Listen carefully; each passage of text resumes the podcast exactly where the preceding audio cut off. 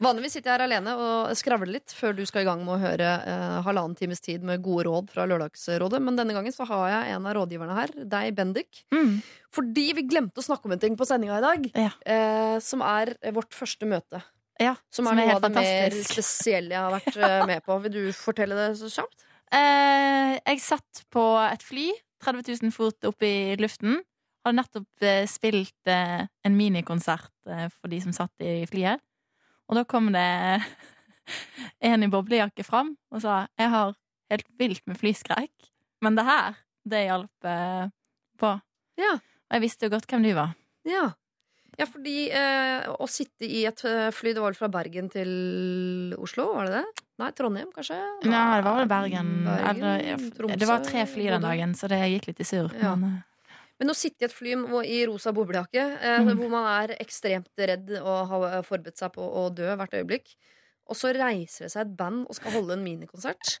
Det er noe av det sykeste. For da tenker jeg eh, Først ble jeg litt mer redd, for da begynte jeg sånn Og da ramler de i hvert fall ned, for at de skal bevege seg og ha med tunge instrumenter, er og da detter vi jo ned. Og, Ja, ja. Men så tenkte jeg sånn Dette er så avledningsmanøver at etter hvert så slutter man å tenke på det. Så i de eh, eh, tre og et halvt eller fem minuttene hvor du sto og sang, så glemte jeg flyskrekken Det Altså, fullstendig. Nei. Det var altså så deilig.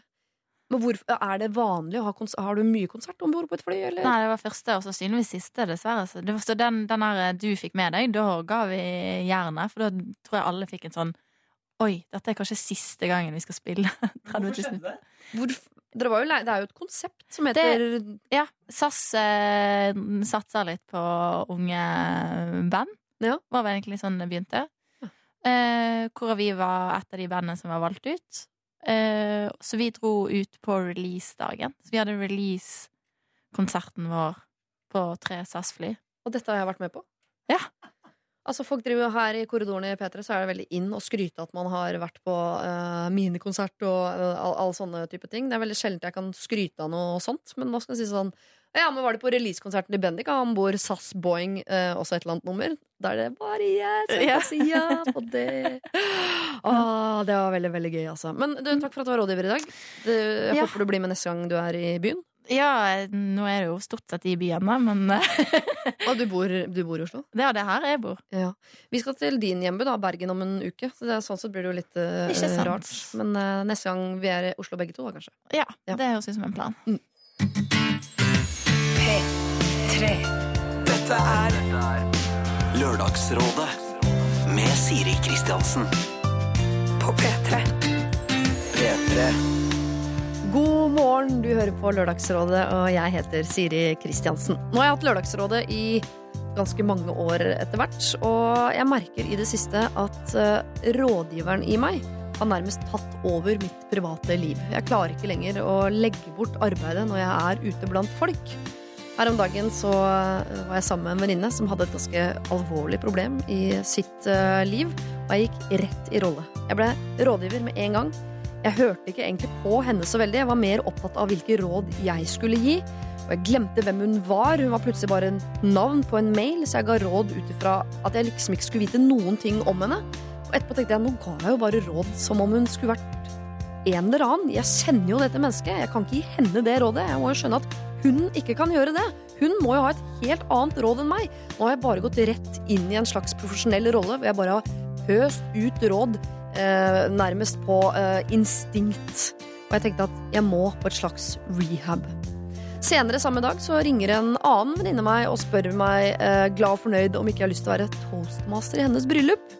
Og jeg går rett inn i jobb. Jeg reiser jo også en del rundt på eventer, eksempel, og er konferansier osv. Og, så og dette tok jeg som nok, et oppdrag. Satt meg ned med uh, Word og begynte å skrive sånn ja, hva er det egentlig du er ute etter, og hvilken stemning er det du ønsker å oppnå? Hva er det du ønsker at jeg skal si? Og hun ble helt perpleks. Og på et eller annet tidspunkt sa sånn uh, Jeg vet ikke, jeg, vi er venner og jeg er glad i deg. Jeg, jeg vil egentlig bare ha deg. Jeg sånn Meg? Ja, ja, ok. Altså, jeg må på en slags rehab.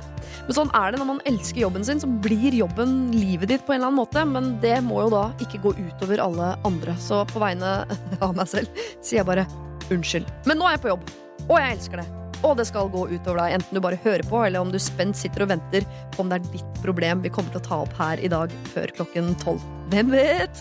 Du får bare følge med, rett og slett. Rådgiverne kommer hvert øyeblikk, men straks skal vi høre hvordan det har gått med Pia, som vi hjalp forrige uke. Har hun dumpet stefaren sin siden sist? Lørdagsrådet På P3. P3 Han hadde ikke behandlet henne bra, egentlig, på mange år. Og nå skulle hun snart gifte seg, og hun var usikker på om hun helt tatt måtte invitere han i bryllupet, eller om hun bare kunne fade han mer eller mindre ut, eller om hun skulle dumpe han. Du kan høre litt på noen av rådene Pia fikk. P3. Hva med disse barna som ser på denne stefaren som en bestefar? Burde ikke deres eh, ønske om å vokse opp med en støttende bestefar gå foran hennes problemer med denne stefaren? Det er ikke for sent å påvirke og ta valg i ditt eget liv og omgås med mennesker som gir deg positiv energi, eh, og kvitte deg med de som gir deg eh, det motsatte. Det, er- det, tror jeg, det tror jeg er veldig viktig. Altså. Og bare liksom si at han ikke fins lenger til de barna? Vil ikke de kanskje ha lyst til å oppsøke han når de blir eldre? Kan ikke, kanskje, bør ikke de barna Ring Tore på sporet, da. Ja, ikke sant? Men kanskje det blir en bra episode? Ja. Hun skal jo ikke drepe han. Nei. Ikke bruk energi på folk som drar deg ned hele tida, og han kommer ikke til å forandre seg. Det kommer ikke til å bli bedre, tror jeg, da. Så derfor mener jeg at du skal dumpe. Dette er Lørdagsrådet På P3. P3 Hun skriver Jeg tok rådet deres og dumpet han. Jeg sendte han en melding om at jeg ikke orket dette tullet mer, og at han ikke trengte å komme i bryllupet mitt eller i bursdagen. Han skyldte på meg og sa at jeg aldri kom på besøk, og så videre, og da svarte jeg med at når jeg først kommer på besøk, så er det jo bare klaging og næging om at han ikke føler seg bra, hvor fælt han har det, og hvor fæl mamma er som ikke hjelper han å betale ned gjeld han har fått etter at de skilte seg. Jeg fikk tilbake at det var jeg som klaget. Men så kom jo denne bursdagen, da, og hvem er det som dukker opp? Jo, han. Jeg orket ikke å prate med han, så han satt da og klaget på hvor fæl jeg var som ikke pratet med han. Han skulle visst slette meg fra Facebook, og det eh, var ikke måte på. Jeg sitter nå igjen med litt dårlig samvittighet, er en smule bekymret for at han brått skal dukke opp i bryllupet mitt også, men mest av alt er jeg lettet. Barna ser han ikke så ofte uansett, så han blir nok glemt. Tusen takk, hilsen Pia, som fortsatt syns det er kjipt med dette valget av en eh, familie. Dette er veldig rart, eh, Pierre. Har du jo dumpet, og allikevel dukker han opp i en bursdag og sitter og fortsetter å gjøre de tingene du sier at er grunnen til at du har dumpet han. Han virker ikke helt eh, videre smart, denne mannen, dessverre. Dette er nok en mann som trenger en tydelig beskjed opptil flere ganger. Så hvis du trodde du var ferdig nå, så må jeg beklage og si nei da. Du må dumpe han flere ganger. Dette er P3 Programleder Erik Solbakken, god morgen. God morgen. Standup-komiker Christer Torjussen, god morgen. God morgen. Og artist Silje Halstensen, aka Bendik. Morgen, morgen. Hva skal vi si om, eh, til deg? Altså, Bendik er jo hele gruppa, men Ja, det er på en måte meg. det er på en måte deg òg. Ja. Så vi sier er bare Bendik. meg. Det er jeg som er Bendik. Det er Bendik. Men det skulle hete OK, da, dette bandet, egentlig. Ja, og- eller sånn Bendiks orkestra. Noe sånt. Noe sant? sant? jeg legger jo litt føringer for type musikk, syns jeg. Ja, det er altfor lite oljetønner i Bendik. Men så hvis jeg sier Bendik herfra ut, Ja. så er det greit? Ja. Er det oppfattet, gutter? Ja, okay. du bare ikke bruker russenavnet mitt. Det var fuglebryst. Fuglebryst. Er det sant? Mm. Ah, det er ikke det siste jeg kunne kalle kalle Men det. russe, eh, russenavn eller eh, liksom eh, Jeg er Russeluen. Jeg, var, jeg var ikke sånn 'Russenavnet mitt er fuglebryst'. Det var det jeg fikk på lua, liksom. På Ja. luen min så sto det Virgin Killer. Oi. Åh, Tenk- Er det sant? Jeg levde opp til det Åh, du var Er man-eater, altså? på den tiden. Tenk hvis du hadde fuglebryst, da. da hadde jeg Stakkars, stakkars lille fuglebryst, da, for å si det sånn. Men Er dette vært sårt for deg siden rusttiden, Erik? Eller er det nå fordi vi er på en måte midt i rusttida at det dukker opp igjen til overflaten? Eh, Det er en kombinasjon, men eh, det som er fint, er at den lua er jo så ubrukt. Ja. Eh, Så nå i de siste ja, la oss si to russesesongene så har jeg hatt litt, bitte, litt, bitte lite grann humor på det. De Ja. gangene jeg er på Tryvann. Og spør om å komme inn. Hva sto på din russelue, Christer Thoresen? Åh, jeg vet hva, jeg det tror det sto PX. PX. For jeg kjørte en moped som het Honda PX. Ja. Så kreativt. Men jeg var russeformann. da. ja, ja, men da gir man seg selv noen. men den russelua ble stjålet etter én time. Da kom det en blåruss og nøkka med seg hele dritten. Og da, Jeg så ikke mer til den, så jeg hadde Christer formann på låret. Det hadde jeg. Ja, Takk. tøft. Jeg hadde Boss. Boss. Oh. Ja. Mm. og det har jeg også levd ofte. Både i russetiden og siden. Å det er det jeg driver med. Åh, du, Hva het russebilen din, da? den het Fellesmeieriet. Åh, Det var en eh, Dodge Van limo-utgave, sånn jævlig lang. eh, og så sto det 'Drekka Max' på skjermen over, eh, over frontruta. Og Fellesmeieriet på siden. åh, Ganske rått. Ja, det var, vi hadde Dodge Dragon. Eh, Er den litt mindre enn Dodge Van eh, limo? nei, nei det, var, det var det som var så rart. For det, det var navnet vårt. Nei! Så det var sånn, hva heter Bill Dodge, hva, hva skal vi gjøre? Spraye på en drage? Hva kaller vi den? Dodge Dragon. Men det som var fint, var at vi fikk uh, en visstnok uh, talentfull uh, graffiti-dude i Hemsedal til å- hvor vi sa tegn den fineste dragon du får til. Uh, og det så ikke ut som det i det hele tatt. Eh, for han- det er jo ingen talentfulle gravide folk. på Hemsedal. Så Altfor lite av det. ja, det er Det er kanskje ikke så lenge siden du var hos uh, Bendik? Eller? Eller har du vært i det hele tatt? Er seks og syv år siden. Ja. Stemmer det? Var du på buss? Bil? Eh, ingenting, fordi i Bodø så er det bare to busser. Ja. De kommer seg ikke noe lenger enn til sentrum, for det er jo steikende langt til alle russetreff. Men eh, det er de deiligste jentene, Ja. og så er det idrettsguttene. Jeg var ingen av delene. Nei, nei ok. Ja, så du hadde bare da denne uh, lua di, hvor det Ja. sto Virgin Eater. Ja, Ja. Eller killer. Killer var det faktisk. Men du spiste de på en måte mer enn du drepte de, eller?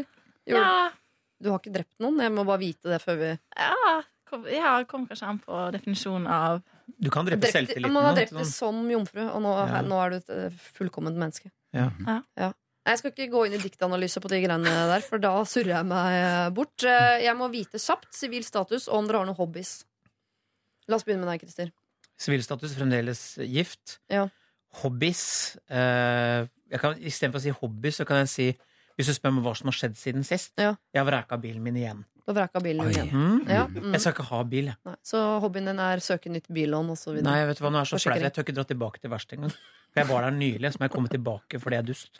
Menn er så ræva i trafikken. Ass. Altså. nei, men det er ikke det. det, er ikke det. Kan- jeg fortelle hva som skjedde? Ja, hvis det går veldig, veldig fort. veldig fort. fort. Jeg har marsjokompleks. Jeg er ikke spesielt praktisk anlagt. Så tenkte jeg at jeg må bevise overfor min kone og min svigerfar at jeg kan noe. Skifte dekk. Og så, så Det har jeg gjort ofte. Og så har svigerfar en sånn hydraulisk jekk, sånn lang, sånn du skyver langt innunder. Det er Ja. sånn punkt han, som han har vist meg.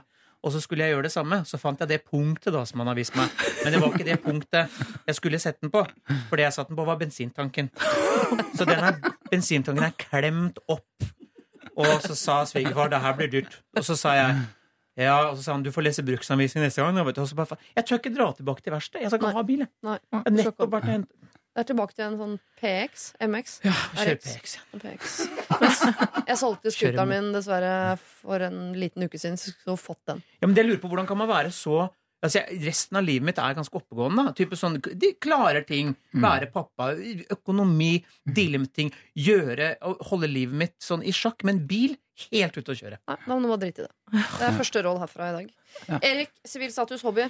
Eh, fortsatt gift, hvis det, eller gift, da. Ja. Eh, og hobby denne uka her Det har gått stort sett med til å, til å se alle intervjuene til Jon Arne Riise. Og sitte og analysere dem og plukke de fra hverandre, og så sette de sammen igjen. Det er en veldig spennende hobby. Det er bedre enn puslespill, hvis dere er godt lei av det. Ja. Jeg, jeg skal innom en del andre ting før jeg går dit, men det er greit. Hvordan er det med deg, Bendik? Har du noen Eh, hobbyer, og hva er sivil status? Jeg er singel. Og Virgin Eh, killer! Just saying. Ja, ja, ja. Eh, og jeg er faen, altså. Jeg er så trendy, men fargelegge Fargeleggingsbok. Ja. Har, du, har du lagd den genseren din sjøl? Ja, jeg har uh, Sofie Elise sin pupp med Kygo på uh, egenprodusert. Ja. Eh, eh, folkens, gå inn på Facebook og se på den genseren. Den er helt rå. Det er det jeg vil si om den genseren. Så du er kunstner da, som hobby? Eh, men altså, folk har jo tegnet det jeg fargelegger på fra før. Så den kunstner, Ja, ja. kunstner. Det er mer sånn at jeg blir fascinert av at jeg klarer å holde meg innenfor linjene. Og så Men det er like mye kunst det som å være fotokunstner. Da har du jo strengt tatt tatt bilde av noe som andre har laget. La oss ikke ta den debatten, eh, vær så snill. eh, For der er folk uenige, da, for å si det sånn.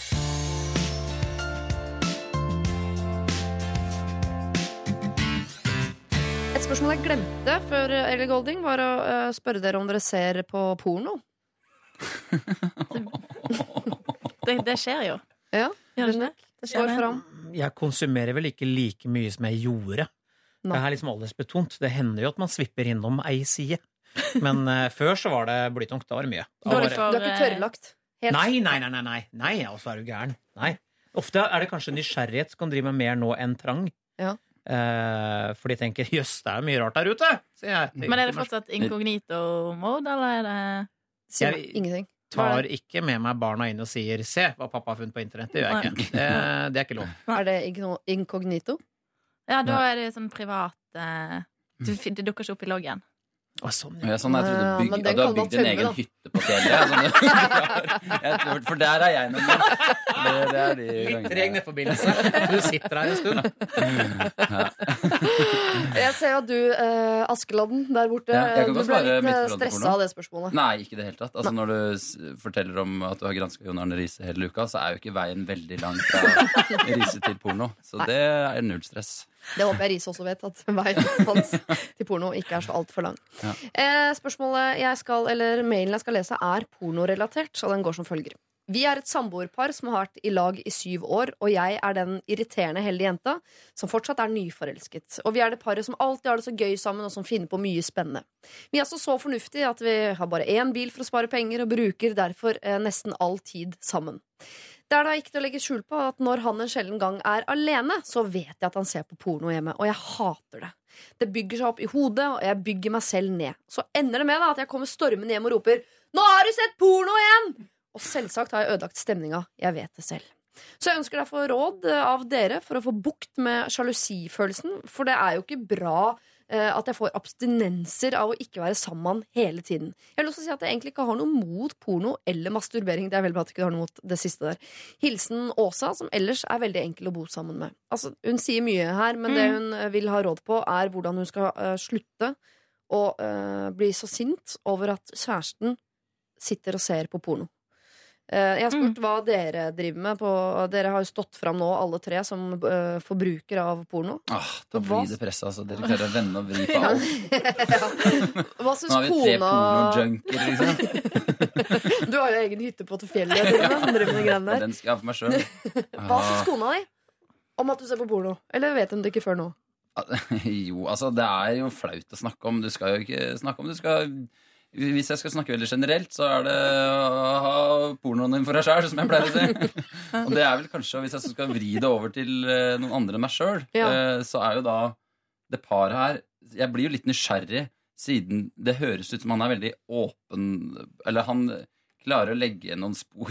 Og hvilke spor det er, det vet jeg ikke. Men Ikke gå dit. Eh, Om det er Er det sånn Snakker de om det ofte? Er det sånn at hun vet Når hun sier at hun vet at han ser masse porno, Ja. så, så lurer jeg litt på hvem er han for en fyr? Er han sånn Sånn, Vet ha han ses ikke på en loggen, uke.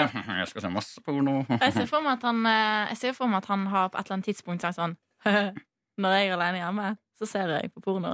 Ja. Som, en- og tenker som det er morsomt.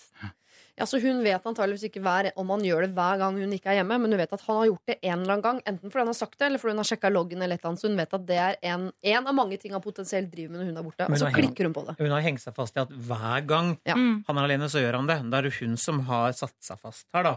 Mm. Og det jeg tror jeg skal gi som råd, er at eh, hun må slappe av litt. For det han eventuelt ser av pornografi, har ingenting med henne å gjøre. For pornografi er jo ikke person... Det er ikke noe du er, du, du observerer jo som en kikker. Det er jo Mm. ikke det at dermed sagt at du har lyst på noen andre fordi du observerer porno. Det er nesten tvert imot. Men Du, det- her, ja. det er ingenting her overlatt til fantasien. Alt er rett foran deg. Så du trenger ikke fantasere om noe engang. Kan jeg bare skyte inn én? Fordi det er, det er ett unntak når det er sånn eh, Når det går på det med at dette er kun kvinner og menn som ligger sammen. Det er ikke noe mer enn det. Eh, jeg mener at jeg kanskje har sagt det før, men det er en såpass god historie. Jeg har en kompis, broren hans, så på porno, søker av gårde. Plutselig, smukk, der er tanta. så det kan, jeg bare sier, det kan skje at det blir mer enn bare slippe å fantasere. Det kan plutselig være tanta. Det kan plutselig skje. Ja. Og det er så, det som er så gøy med internett. Det, Ja. Det det kan jo si sånn, det kan jo komme hjem og si sånn at uh, du vet at tanten din kan finne på å være på Han måtte ta den praten med da faren sin. Ja. Og de slo Oi, på. Det var liksom, sånn, for det var sommerhus i Danmark. Og det var litt mer komplisert enn som så. Oi, oi, Men, oi, eh, Kjempegøy. oi, oi. Kjempegøy. Ja. Delikat. Men jeg skjønner, at, jeg, jeg skjønner at det kan være vanskelig. Altså. Eller jeg synes det, altså det er noe med den følelsen av å kanskje ikke være bra nok. Ja. Det er noe med å ønske å få all oppmerksomheten og være liksom den han begjærer, da. Ja. og idet han begjærer andre kvinner, så jeg, jeg, jeg skjønner liksom at det kan være litt sånn sjalusi. Men man begjærer jo ikke andre kvinner når man ser porno. Det er jo ikke det man egentlig gjør. Men det Ja. tror jenter. At, Ja, det, at det er det dere driver tror med. det, det, det er akkurat det. For at Mm. jeg hadde en, en, eh, en kjæreste jeg var sammen med, så også på porno alene. Jeg merket at jeg, Det var ikke spesielt sjalu. Det eneste jeg kunne tenke på, var at det, der er det menn med kolossalt mye større uh, verktøy enn det jeg noensinne har blitt utrusta eller kan bli. Uh, er litt sånn Men det gikk ikke sånn voldsomt utover selvtilliten min at jeg ble sjalu. Ikke hvis du undervinkler. Hvis du filmer undervinkla. Da kan- det er bra, for da får du Det er litt av den samme effekten. på en. Ja, så når han ser på altså, jeg, jeg skulle gjerne visst hvordan type porno han ser på. For hvis han ser på porno med eh, jenter som er eh, til forveksling lik dama, for eksempel, at, så kanskje han eh, la oss late som han savner henne så mye da, at da man bare ser andre jenter som ligner på henne, som, som eh, ligger med hverandre. Mm. Eller så eh, er det jo sånn som jeg alltid har tenkt hvis jeg hadde funnet ut at min kjæreste plutselig hadde kjøpt seg en prostituert. Tenker jeg sånn da er det vel et eller annet du vil ha som du ikke vil at jeg skal drive med. Da. For det er ofte, er det ikke sånn Når man ser på porno, så ser man på ting som er mer grisete enn det man driver med selv. Så man ikke liksom Nei, du som er så søt, og deg elsker jeg, du er mor til mine barn og sånn. Du skal jo ikke ha en termos og, mens du suger en dverg og spiller banjo. Greiene der. Det ser jo ikke du, men jeg vil gjerne, jeg vil gjerne se det, liksom. Jo, men det er jo ikke så mange jeg, Det er jo ikke så mange som søker på sånn helt vanlig porno. Nei, altså, men jeg, jeg, har aldri drømt om å, om å bli sexolog, i hvert fall ikke på, på radio. Eh, men jeg har lyst til å bare slenge ut et par tips. Og så kan de som velger å ta de tipsa, de kan ta dem. Altså, jeg, jeg tror sånn For hennes del så er det litt sånn øh, øh, Det er kjipt for henne, og det, du kan ikke, vi kan ikke bare si til henne ikke øh, la det være kjipt. Uh, så da kan dere for eksempel prøve å se porno sammen. Kanskje det funker? Eh, ja, altså bare, ja, det, ja, bare er slenger, jeg bare det sier kleint, Jeg, har- jeg er ikke Ja, jeg bare slenger ut. Ja, det- er aggressiv, jeg. Nei, men det funker, det. Altså. Men Jeg, har- jeg har vennepar som driver med det fast. Ser på Ja. porno til de blir kåte, og så legger de bort eh, laptopen, og så ligger de sammen. De orker, de orker ikke å kåte hverandre opp. Nei, nei, ikke outsourcer hver, hver gang, mennesker. er det sant? Ja. Nei, det er feil. De prøver å er få det det folk som kommer og skifter lakenet deres nå? Men, men faktisk det viktigste tipset er fordi jeg tror nok at det er veldig mange menn som ser litt grann for mye på porno. Ja. Fordi det er noe med at uh, for 15 år siden så, så brukte du liksom en halvtime på å liksom laste ned ett nakenbilde. Nå er det, tilgangen er veldig grei. Du kan holde på å si, sitte på hver en tue og et knust som du har lyst, og sitte og se porno og kose deg med det. Så jeg tror det er veldig mange som er veldig sånn pornoavhengig. Ja. Så det går an å utfordre typen og si sånn Er det sånn at du faktisk er litt grann avhengig av porno? For det er kjipt for meg, og det skjønner jeg på en eller annen måte. Og det tror jeg gjelder veldig mange der, at øh, folk kan ha godt av en lita pornopause i ny og ne. Ja, Men jobber han ikke? Liksom, hvorfor er det han er så mye hjemme alene? Nei, men jeg tror det er sånn akkurat det. Hun er i Kjøben i helga med venninner, så da er han aleine hjemme. Da benytter han anledningen til å se. Jeg tror de er veldig veldig mye sammen fordi de Ja. driver og sparer penger. Så de er stort sett sammen 24 timer i døgnet, og så forsvinner hun eh, bort en fredag kveld, og da sitter han hjemme og ser på eh, porno. Ja, men kan liksom skjønne det òg. Liksom, hvis du har vært sammen med noen altså, I fire uker så stikker hun én dag på seminar. Det er ikke lang vei til en liten pornoflikk der. Altså. Jeg, tror ikke, og det er ganske, jeg tror det er ganske normalt og ganske vanlig. Jeg tror ikke det har så mye med Eller det blir jo sjalusi for henne. Men Ja. det er jo helt riktig det som Erik sier også, at noen er jo avhengig og må se det hele tiden. Eh, og det er jo heller ikke bra. Det hadde jeg hatt problem med. Mm. Ja. Men det høres kanskje at- bare ut som det går litt grann utover eh, sexlivet deres også, for da er det sånn å ta med seg det inn i de fire ukene hvor de er 24 timer sammen hver eneste dag, og skal liksom, ok, da blir det litt kos på fredagskvelden, mens hun har det liggende bak der at Mm. dette er en pornoelskende fyr, liksom. Så, så det går an å Jeg tenker du må bare prate om det, og tipset om å se porno sammen er kanskje dårlig, men jeg tror hun må bli litt mindre redd for porno. Mm. Og hva gjør man da? Da søker man. Ja, da porno. ser du litt porno, kanskje. Ja. Kanskje det hjelper. Jeg vet ikke. Jeg hadde hatt enorme problemer med at min mann så på porno. Men jeg har jo da eh, også har enorme problemer med pornoindustrien, så jeg hadde ikke likt at han drev med det. Men det har ikke Åsa. Hun vil bare føle seg mindre sjalu.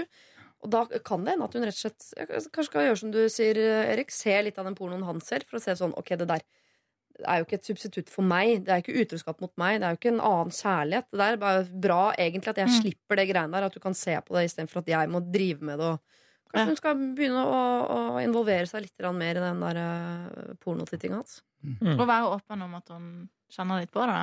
Ja, det tror jeg, for Hun kommer ropende inn døra og sier sånn «Sarah!» Hun er jo sånn når hun kommer hjem og kjefter på han før hun i det hele tatt vet om han har sett på porno. Så hun er jo uh, eitrende forbanna hele tiden på det greiene. Og det setter jo stemninga eh, veldig fort. Ja. Å kjøre angrep er det beste forsvar. Det er ikke alltid det. Nei. Nei.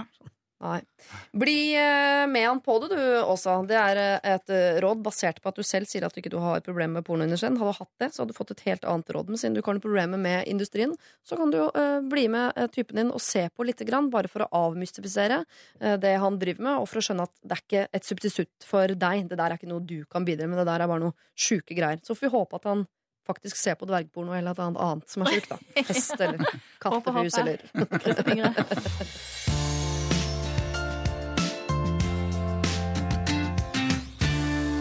porno, som vi har snakket om, som man jo kan velge bort, til noe man dessverre absolutt ikke kan velge bort, nemlig demens. Skal vi over til nå. nå. Rådgivere i dag er eh, Bendik, eh, Erik Solbakken og Christer Torjussen. Hei, står det her. Jeg er en jente på 23 år med en far som har blitt diagnosert, diagnosert med demens. Pappa har vært syk i flere år, og mange, eh, på mange måter så forsvant han for lenge siden. Hans sykdom har i stor grad rammet hans personlighet, der spesielt sosiale antenner har blitt så å si visket ut. Når det kommer til familie osv. Han har derimot full kontroll på familie. Han husker alle og hva vi driver med osv.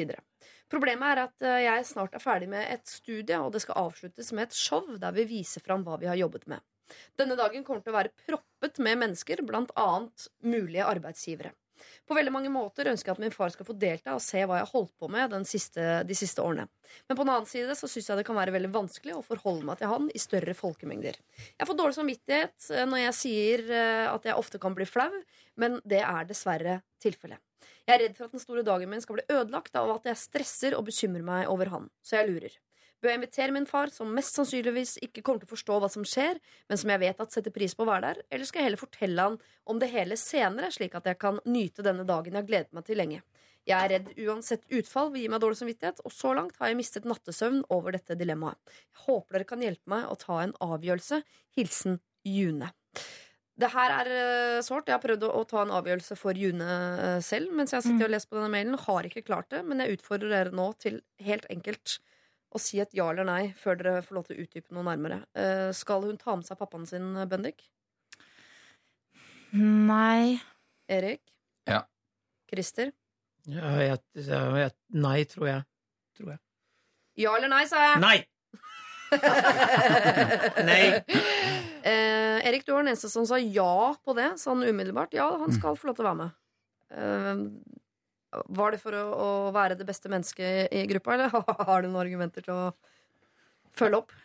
Eh, altså, jeg tenker jo at eh, ut ifra det lille jeg hørte, for jeg har jo ikke vært i samme rom som han, og er jo Det kan jo hende at det endra oppfatning hvis, hvis du hadde Hvis du veit litt hvor du ser det går, på en eller annen måte. Men jeg tenker jo sånn generelt i livet, da, så er det jo sånn at eh, hva andre mennesker rundt deg, og det er gjerne familie som du kan relatere deg til, og som fort blir en del av deg, hva de gjør, det bør strengt tatt ikke ha noe med hva du sjøl gjør. Så det jeg tenker, er at eh, eh, det er bare én vinner her, og det er hvis faren er med, Mm. og det går bra, og hun koser seg med det, og angrer ikke på det valget om å da ikke ta med faren sin. Eh, og går det eh, dårlig Men jeg spør meg altså, hva er det som kan gå så fryktelig gærent? på en eller annen måte? Er det at hun blir flau? Er det, er det ting som hun egentlig kan jobbe med sjøl? Ja. Fordi det er jo sånn, ok, arbeidsgiver og sånn, og står du der med en potensiell arbeidsgiver, og faren sier masse tull, så er det jo litt sånn, ok, da får du bare face det på en eller annen måte, og kanskje du kommer styrka ut av det òg. Så jeg tenker at det er, det, det er en bra utfordring, og jeg tror hun kommer til å angre minst på å ta med faren. Takk for meg. Mm. Christer, du sa nei. Har du endra nei-et ditt til et ja nå etter uh, appellen til Erik Solbakken? Det er ingen tvil om at Erik er et veldig godt menneske. Det er veldig bra. Men jeg tenker at i og med at han er dement, så vil det vel ikke Jeg tenker jo sånn litt sånn praktisk Vil det ha særlig stor betydning for han når han oppdager da etterpå at han ikke var med? Hvis han da er dement og tenker Hva om å få filma det og si dette Her har du det jeg var med på. Selvfølgelig. Eh, Jeg er også med på det Erik sier, at hvor gærent kan det egentlig gå? Kan noen være der og passe på alle disse tingene? Men hvis det stresser henne på en sånn dag, og faren er dement, så ville jeg kanskje jeg, jeg vet ikke om det er kynisk, men jeg ville kanskje valgt å si kanskje ikke akkurat den dagen. Eh, og fortelle om dette og vise fram, kanskje. Hva ligger bak ditt svar, eh, Bendik? Jeg syns ikke han skal ha dårlig samvittighet for å la være. Altså, uansett dement eller ikke. Altså, hun har jo potensielle så videre. Mm. Er på jobb. Mm. Altså, selv om det er åpent for publikum, så kan jo Det er mer enn nok unnskyldning bare det å bli nervøs av å ha foreldre der, eller far der. Mm. Så nei, jeg tenker at det står hun helt fritt til, og det er hennes dag. Det der hadde jeg ikke tenkt på, faktisk, Bendik. Men det, eh, det hadde jeg glemt som eh, argument inni mitt uh, hode. Jeg, var, jeg kan egentlig ikke relatere til dette. Ingen som har, uh, rammet av dette i min familie. Men jeg skulle fortelle en historie på en sånn historiefortellingskveld for et halvt års tid tilbake. Hvor av helt tilfeldige grunner så plutselig dukker min uh, mor og mine tre onkler opp på samme kafé. Hvor de skulle møtes og spise middag, og der var jeg, og jeg skulle fortelle, og da skulle de få med seg det. Og jeg ble altså så forbanna som jeg ikke har vært på mange år, over at de kom til min arbeidsplass eh, og gjorde mitt arbeid vanskeligere. Altså Jeg var så pottesur, og samtidig kunne jeg ikke si til familien min sånn Dere er jo her, eh, og dere lurer jo på hva jeg driver med, eh, men dere må gå, for jeg vil ikke ha dere her. Så det, eh, den, det, hele den kvelden ble helt ødelagt for meg. Jeg gjorde en kjempedårlig jobb, og jeg, jeg hadde syntes hele kvelden var helt forferdelig.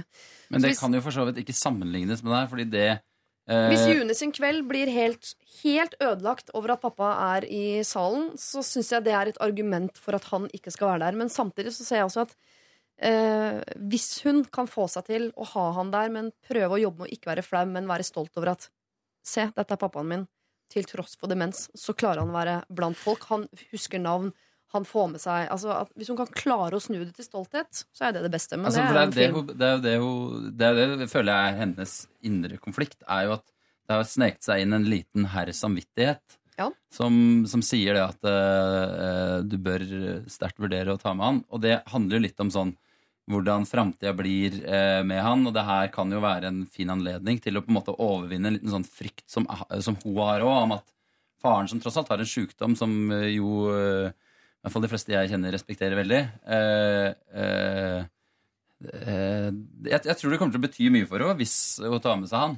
Ja. Eh, og da, da har jeg bare lyst til å pushe henne litt, fordi det er sånn eh, Vi blir litt for fort litt for flaue over Mm. folk som ikke er det sjøl. Eh, og det tenker jeg også sånn I den situasjonen her, så er det sånn ja, kanskje du mister en jobb, men jeg tror ikke det gjør det. liksom Jeg tror det bare er inni, inni ditt eget Men det hode. er noe med Det er på en måte dagen hennes. Her er et eksempel som, til parallell. Jeg har kasta ut min egen far fra publikum når jeg sto på scenen fordi han dukka opp full og satt på gulvet i bar overkropp og skulle ha fyr på, på røyken sin. Eh, det, det er ikke noe god opplevelse når du prøver å gjøre ditt aller beste foran masse folk du gikk i klasse med, venner, i den byen du bodde i. Så det er en sånn total ydmykelse, selv om alle visste at pappa var alkoholiker og sleit. Så det er likevel en sånn ting som er som går og bærer på Og det har noe med at det betyr ikke at jeg ikke elsker eller elsket faren min mindre av den grunn, men den situasjonen er så ekstremt vanskelig. Ja. Nei, men, det, altså, men det mener jeg er heller Altså det ikke kan sammenlignes helt med akkurat det her. Nei. Fordi det er litt sånn Sorry, du kommer til å møte på tøffere valg her i livet, som ikke er om du skal ha med Skal faren han din som... i bryllupet, f.eks.? Det er også din dag, Ja. hvor du potensielt kan bli flau overfor din eh, svigerfamilie. Ja. Jeg tenker som arbeidsgiver her, hvis det hadde vært en av jentene på, eh, på scenen den kvelden som hadde med seg en far som ah, lagde en eller annen scene, og jeg kunne se at hun ble stolt over faren sin til tross for den scenen han lager, tenker jeg. Mm. Det der er et menneske jeg vil ansette. Er Den stoltheten og de, den på en måte innstillingen der, Mm. det har jeg lyst til å jobbe med. Men hvis hun står på scenen og sier Kutt ut av dette, du er så dust. Hvis hun, hvis hun blir 14 år og dritflau og sånn, så er ikke det positivt. Men hvis hun kan klare Ja. å være stolt oppi det der Det er en grunn til at vi sier at Erik, nå er du det beste mennesket i studio fordi du er den eneste som sier ja til dette. Altså, kan, hun, kan hun prøve å være det beste mennesket? Så tror jeg hun vil ha det bedre med seg selv etterpå enn uh, hun har det hvis hun dropper det. Men forståelse for at hun har lyst til å droppe det, for den situasjonen er uh, absolutt ikke noe kul. Men hvis du kan klare å være stolt over pappaen din og ha han der, så tror vi du vil leve best med den avgjørelsen, June. Lørdagsrådet med Siri Kristiansen. På P3. Don't Let Go synger hun eh, Miss eh, Tati. Det eh, er vi potensielt uh, uenig i uh, idet vi skal bi oss inn i en bitte liten diskusjon om mobilbruk, folkens. Christer Torjussen, avhengig av mobilen. Hva vil du si på en skala fra 1 til 10? Ja, vi er på en sikker åtter der, altså. Sikker åtter. Erik Solbakken. Ja, toucher borti nieren nå iblant. Du har touchet borti nieren, ja. Bendik, åssen er det med deg? God åtter. En god åtter. Vi er to jenter på 16 år som nettopp har diskutert noe vi ikke kommer fram til. Alle vennene våre sitter på mobilen hele tiden. Altså på mobilen sitter de vel ikke, men med mobilen. Kan være det hva vet jeg. Og snakker med andre på mobilen mens de er sammen med oss. Da kan du liksom snakke med oss på telefonen, da. Hvis de bare skal snakke eh, med andre hele tiden, så kjære rådet. Hva skal man si for å få de til å legge fra seg mobilen? Eh, hilsen Regine og Victoria. Og dette, Jeg blir så glad for det problemet, for det husker jeg var et problem i 98, da jeg var russ og mine venner begynte å få seg mobiltelefon. Jeg skulle aldri ha mobiltelefon, for jeg syntes det var så dritt at de satt og sendte tekstmeldinger og sånn. Tenkte sånn, Nå er vi i samme rom, kan vi ha det hyggelig sammen? Hvis du vil være sammen med noen andre som ikke er her, så stikk nå til helvete og treff de. Tenkte jeg. Ja, men jeg tenkte Det tok lang tid på å få meg eh, iPhone. Ja. Litt motstand er bra. Ja, ja. Men den motstanden fins ennå, i hvert fall da i eh, Regine og Victoria som har sendt inn dette problemet. Er, kan man oppdra vennene sine Får man snudd trenden, folkens? Er det ikke en sånn greie som på nettet sånn man skal stacke opp mobilene sine på, midt på bordet sånn ingen lov til å røre dem, for nå skal vi snakke sammen? Ja. Er ikke det en sånn pending trend thing, eller er det bare meg som er gammel? Nei, nei, det er sånn eh, jo, vi er, Jeg begynner å bli gammel, jeg òg, skjønner du. Og når du er på seminar, så må du levere mobilen din på sånn mobilhotell. Sjekke inn på er det sant? Ja, ja, det har jeg vært med på. Det var ganske. Mobilhotell Hvordan ser det ut? Nei, det er som et uh, Det er som et sånn uh, Hva skal jeg si nøkkelhus, på en eller annen måte. Ah. Eller med masse, det er som en sånn julekalender hvor du liksom legger din Kan man oppi- lade mens man har det på hotell? Det er det som er synd, for det, det spurte jeg om en gang, faktisk. Og, Det burde man tenkt på. Ja. Skal jeg legge fra meg skal, skal mobilen på hotell? Ja. Da skal den faen meg lades. Ja, Hva er det vi gjør på hotell? Jo, vi lader. Ja. Det. Det Ikke Nei, men, altså, jeg tenker jo at det her eh, liker at vi kommer i gang med eh, å være ærlig om følelsene og si Hei, jeg føler eh, meg eh, oversett i det dere snakker med andre på telefonen. Ja. Kan vi ha på lydløs flight mode et eller annet i noen timer og bare ha en samtale?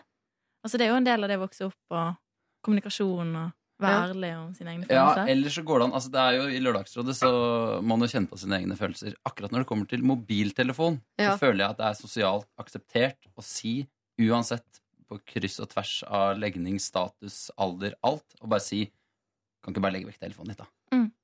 Og det Det er verste sånn folk blir litt flau av det. Du kan si 'unnskyld meg, jeg må bare ta den telefonen'. Ja. er også helt legitimt. Skjønner du? Det er, det er veldig todelt, dette her. Altså, så jeg ville, jeg ville begynt der og sjekka om det om, Og hvis det blir en stor greie, så må du argumentere det med hvordan det egentlig er. Fordi det er jo Sitter du og, og spiser Det er gjerne i sosiale settinger. Hvis du sitter rundt et firerbord, på en eller annen måte og så klarer du ikke å få øyekontakt, og du er usikker på hvor du skal plassere hendene fordi vedkommende på andre sida tekster og holder på, så syns jeg alle det er litt ubehagelig. Mm. Derfor er det helt vanlig å si legg vekk telefonen, please. Nå vet ikke jeg så mye om eh, dere, Regine og Victoria, annet enn at det er navn jeg forbinder med elevrådsrepresentanten i klassen. Og, og hvis dere er det, og dere er de som eh, en dag på vorspiel når alle sitter og er på eh, Tinder og snapper og holder på og koser seg helt vilt med og sier sånn Sorry, folkens, skal vi legge bort mobilene nå og bare ha en ordentlig god samtale? Så tenker jeg, oh lordy, det vet jeg ikke om er så smart. Eh, så jeg tror mer på den eh, varianten at man gjør det opp til sånn Vet du hva de driver med borti USA nå som er jævlig fett? Alle legger mobilene sine på mobilhotell. Uh, det prøver vi, sånn at alle i gjengen kan få følelsen av Oi, dette var egentlig ganske digg, og så kan de selv ta valget og legge bort mobilen Mm. også neste gang, for erfaringen fra forrige fest var så innmari god. Litt sånn omvendt psykologi. Ja. Ja, skulle, skal vi. Praktisk omvendt psykologi? Ja. Eller? Jeg føler det er en fancy idé, men eh, for meg da, så er det sånn de gangene øh, jeg blir konfrontert med sånn Hvis det er noen som sier en leddsetning da, da, da, Legg vekk telefonen, da. Da blir jeg flau og gjør det. Men Mm. hvis jeg får den Vet du hva, jeg føler at du sitter på den telefonen hele tida. Da kommer det en sånn fanden i meg som er sånn Jeg? Mm. Hva med deg? I Forrige torsdag, da du Ikke sant? Da, da vekker det en sånn der rettferdighetssans. Eller, Men det er faktisk sant. Altså. Min søster hun, er, hun har eh, ikke abonnement på iPhonen sin. Hun har bare en sånn vanlig tastetelefon. Ja. Eh, Så hun er jo ramp på det der og sier fra når jeg er hjemme. Sånn, nå er du litt Du er mye på telefonen, Ja. Silje. Og da må jeg jo bare se mer på telefonen. Ja, ikke sant? Du Og du, du blir trassig og ser mer. Du blir ikke flau, altså. Ja, Jeg må bare oppdatere litt til her. Jeg må bare se litt til. Åh, Det er jo- mitt liv. Ja. Jeg bestemmer over meg sjøl. Jeg satt på Sandvika satt i Sandvika og venta på toget, og da sitter jeg og tar en kaffe på sånn uteservering. Så sitter en sånn dame med ølen, og jeg sitter og ser på telefonen, så plutselig hører jeg «Nei, Legg fra deg telefonen! Det er mora til Regine. Så ble jeg sånn Unnskyld? Men legg fra deg telefonen prat med folk. Og tenker bare Å, det er akkurat kanskje derfor jeg har telefon. For å slippe å prate med sånne som deg. Og så det verste var at jeg var sånn Ja, OK. Hva har du lyst til å ja, Eller OK, da kaster jeg ballen over til deg. Hei, kaste ball! Altså, det var helt fjernt. Jeg løste ingenting. Men da satt jo jeg for meg sjøl, Ja. og jeg hadde ikke noen sosiale forpliktelser. Hun mente da at det hadde jeg. Så, så ja. Det kan slå alle veier. Ja. En annen ting som er eh, mye mer lov å, å si at nå, nå må vi stoppe fordi jeg skal, det er å tisse, og det må jeg. Så det skal jeg gjøre nå, folkens. Men jeg synes vi er, det vi er enige om i dette rommet nå, er at det er en uting at man sitter oppe med mobilen og man er i sosiale lag, og så sitter man bare og snakker med folk som ikke er i det sosiale det, eh, laget. Det er en uting. Og så må du, eh, Regine, og du, Victoria, kjenne på om dere er en sånn yeah, legg bort telefonen-type.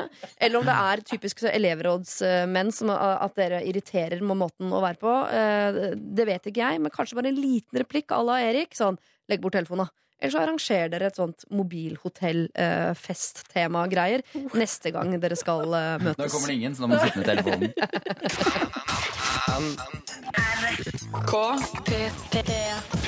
P3. Jeg er akkurat ferdig med å fullføre studier og har de siste seks månedene jobbet som intern for et helt fantastisk firma i Nederland. Jeg elsker jobben min og jobber med glede 13 timer om dagen, seks dager i uka. Nå er snart uh, internperioden over, og siden min arbeidsgiver elsker meg nesten like mye som jeg elsker dem, har jeg fått tilbud om jobb videre. Dette høres jo fint ut i seg selv, men det har nettopp startet en sykt irriterende kineser i teamet mitt, som blander seg inn i mine oppgaver og har en sykt irriterende stemme og en sykt irriterende aksent. Videre har jeg vært i et eh, avstandsforhold med en deilig tysker, ja, de fins, i snart tre år. det er et unntak som heter bekrefter eieren der, altså. Og som veldig gjerne vil at jeg skal bygge og bo uh, sammen med han i Dutchland eller i Norge. Det er jo også veldig hyggelig, men veldig voksent. Har også muligheten til å dra hjem da, til gode gamle Noreg for å gradvis ta over businessen til far min. Men dette tenker jeg også er litt tidlig. Er liksom ikke noe vei tilbake hvis jeg drar hjem. Så kjære fantastiske orakler av et lørdagsråd, hva skal jeg gjøre? Wow. Her har vi Wow. masse alternativer, og vi kan til og med legge til egne. Men vi bør jo lande på ett uh, alternativ, da. Uh, Mm. Hvilke hensyn skal vi ta? Vi har en irriterende tysker Nei, vi har en irriterende kineser og en deilig tysker. Eh, og et deilig Nederland, et Norge som fungerer i det hele tatt. Hvor skal hun bygge og bo, og med hvem? Oh, du, internasjonal problemstilling, altså. Ja. Mye, jeg har mye å ta tak i. Ja, Lørdagsrådet har vokst en del, ikke sant? Ja, det har Ja. altså. Men altså, kinesere er irriterende mennesker. Er de det? Det er det. Har Ja. du vært på en hotellfrokost sammen med en busslast med kinesere?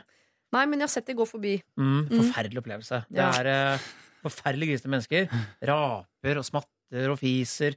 Det er så gøy med nasjonaliteter som liksom er greit å være rasist mot. Men jeg skjønner det. Det er ingen Ikke som sier rasist, det. jeg bare sier at det er en litt annen kultur. Ja, ja. er det. Det er mange kulturer du ikke kunne sagt det der om, og så hadde folk steila og Er det sant? Og, ja, For ja. eksempel. Si akkurat det du sa nå om jøder, for eksempel, eller muslimer. Så hadde du drept på vei hjem. Men om kinesere er greit. Ja, Men kinesere er altså da irriterende. Jeg tar ditt ord for eh, har du noe, Er det noen andre erfaringer om kinesere, Bendik? Har veldig lite erfaring med kinesere. Det nærmeste jeg kommer, var at jeg bodde like over gaten til der de hadde sånn Harry Hole sightseeingbuss et par ganger i uken. Oi. Da kom det ut mange kinesere som så ut som amerikanere, Ja. men var Japanere antagelig, da. Nja, sant, der ser du. Faen, jeg Asia er så har stort. ikke peiling. Det jeg. er så stort, Asia. Asia. Men de, Det det er det noe jeg fascinerende med dem òg. Jeg gjorde en gang en eh, jobb for et norsk teleselskap som inviterte et eh, kinesisk teleselskap. eh, hvor da halve festen var liksom Smilte og lo litt av det jeg sa. Eh, Det gjorde ikke kineserne. Nei. Men det dem gjorde, var at eh, når det var over, så rulla det inn en DJ og en flokk med unge kinesiske damer som kom fra nowhere og hadde party! så, så ja, men jeg, jeg har bare lyst til å si én ting, og det er at hvis du ikke klarer å takle én kineser, da er du et rasshøl. Det her kan du klare helt fint. Det er ikke så irriterende. Deal with it. Og hvorfor kanskje deutscheren, eh, holdt på å si, tyskeren Eller er det en, det Ja. var en tysker, var ikke det? Tyskeren, han Kanskje han tar seg noen år i Nederlandet? Jo. Det er så kort det det er Pendling, pendling. Det kanskje gir seg. Altså, du Ja, for men ved å heie på uh, kineseren her nå, så uh, tar du bort tyskeren, egentlig. Jeg sier, altså, fordi, ja, de er- sånn der, ja. ja, hun er jo interessert i å være sammen med han også. Tyskeren har sagt seg villig. eh, til å bli med til Norge, eller at hun flytter til Tyskland. Og hun snakker tysk og har muligheten for å jobbe i Tyskland. Men nå Så de har masse muligheter. Hun skal jo ikke hjem og ta over faren sin business. Nei, det må ikke Det jeg, det, det var en sånn Det kom til slutt. For det er mye spørsmål her av Ja. veldig mange svar. Ok, men da Ja, skal vi ta ok. jeg, bort jeg trodde han tyskeren er eh, kjører de der eh, hurtigtoga sine fram og tilbake, og det går an å pendle og kose seg. og den fantastiske elskoven han altså det, Alt hørtes jo Han veldig perfekt ut. Han er deilig. Han er deilig. Skikkelig deilig. Mm. Men uh, ta nå for guds skyld et jobbår til der nede, og kos deg med det. Mm. Og så ordner alt det andre seg. Men du må klare å hanskes med han, den kinesiske personen. Altså. Det sier jeg bare. Takk for meg. Ok, så Så vi Erik eh, vinner liksom igjen på å være bra ah, det, menneske. Det er Du pleier ikke å gjøre det Jo, men heller, alle Erik. arbeidsplasser har jo en irriterende person. Her legger et lag til at han er fra Kina. Hun eller han eller hva det er. Ja. Ja, den personen. Eh, hen Hen. Hen. Det lukter Nederland av dette her. Vi har, vært, vi har droppa Norge og Mm. tar over familiebedriften. Uh, og Tyskland har vi nesten ikke snakket om engang, så vi bare blir i Belgia ett år til. Holde ut med han tyskeren. Aner jo ikke hva hun får i, i Tyskland hvis hun flytter dit. Da kan det jo være en eh, irriterende De finner annen nasjonalitet. Mm. Det er lov å si at de er en amerikaner. Da. Det er jo mye verre. Og dessuten har hun jo god, god tid, tenker jeg. Altså. Men det virker som hun er, har sånn Er det Yvonne hun heter? Hun, Ja, ja. ja. Hun virker som en sånn globetrotter av en dame som Ah. plutselig kan få seg jobb i Argentina. Ja. Oi, oi, nei, tok jeg en måned i Brasil, gitt. Så virker som kineser egentlig er litt sånn i annen rekke av problemstillinger her. For her er det mye muligheter, si. Ja. Mhm. Hun elsker jobben sin så mye at hun gleder seg, eh, og hun jobber 13 timer om dagen seks dager i uka og har det helt megamaks på jobben, og sjefen elsker henne. Fått tilbud om jobb. Kjør på! Går, det, går, det an, å- går det an å si til en kollega at eh, det er fint hvis du bare holder deg litt på avstand? Er det lov? Du, um, ja, men da må det være andre ting enn det hun ramser opp. Hun, sier, du, har så, hun kan ikke si sånn 'Jeg orker ikke det', for du har så jævlig irriterende aksent. Altså, det, det, er ikke, det er ikke lov å si til kineseren. Mm. Det tror jeg ikke hun kan si. Jeg kan, jeg kan, gi, kan gi som gavekort på aksentkurs i Det kan folk fort bli tatt personlig. At ja. du må gå på aksentkurs. Aksentkurs og poledance. Ja. Og litt sånn, Du må lære deg ja. Du må til hva heter det, logoped, for du snakker så irriterende. Ja. Tror det blir personlig. Jeg tror ingen tar det Jeg tror du klarer det helt fint. Altså, det, men det er litt sånn, la oss si at det her hadde vært en, eh, en god venn av dere da, som hadde satt seg ned og bare bretta ut problemstillinga her. Og, liksom, og i tillegg satt av kvelden for å snakke om det. Da hadde Mm. jeg brukt ett minutt på å bare si Du reiser til Nederland, vi reiser på kino nå, for det her orker jeg ikke å snakke om i hele kveld. Ja, men det er noe med det. Det er litt sånn ja. Nei, men jeg er enig i det. Eh, Det høres ut som du får vilja di igjen, Erik, bare på at eh, du skal få slippe å bruke resten av kvelden din på å snakke om dette, og også at vi går for din løsning. Nemlig, eh, og dette har jeg anbefalt veldig få mennesker i mitt liv, du skal bli i Nederland sammen med en sykt irriterende tysker mens du har et for, Nei, kineser. kineser, mens du har et avstandsforhold til en jævlig deilig tysker. Det er en setning jeg sier kun én gang. Dette er er P3. Sugar Babes fikk vi et gjenhår med der. Overload heter uh, låta. Jeg har allerede i dag outet dere fordi jeg spurte om dere ser på porno, og dere eh, svarte veldig velvillig på det.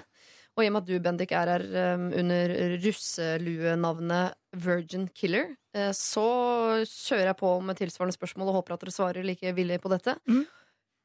Hvor mange har du ligget med? Jeg tror jeg er oppe i 15 eller 16. 15 eller 16? Fordi det, han siste jeg veit ikke helt om han var i, i helt inne, eller Jo, det er mer eh, den åttende der. et sted. Åttende der var ikke helt usikker på. Ja, han var en mikrotype. Ja. Eh, Erik, Jeg, jeg sier pass.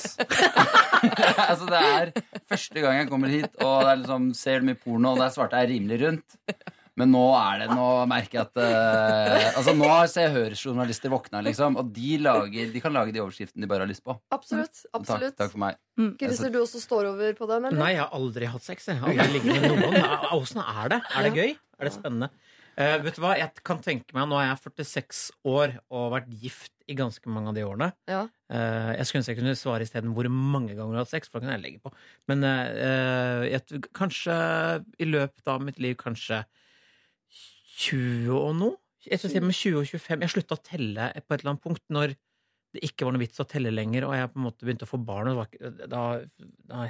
Men har dere et sånn uh, greie kompisgjengen deres? Dette, det kan hende du også, Bendik, har det i venninnegjengen, men det er Mhm. ikke så vanlig. Men er det, har dere sånn kompisgjeng hvor hver gang en av gutta i gjengen har uh, fått eh, nytt rundt nummer, så drar man på, til bakeren, og så må han spandere bakevarer på resten av gutta. Og det gjør man på ti.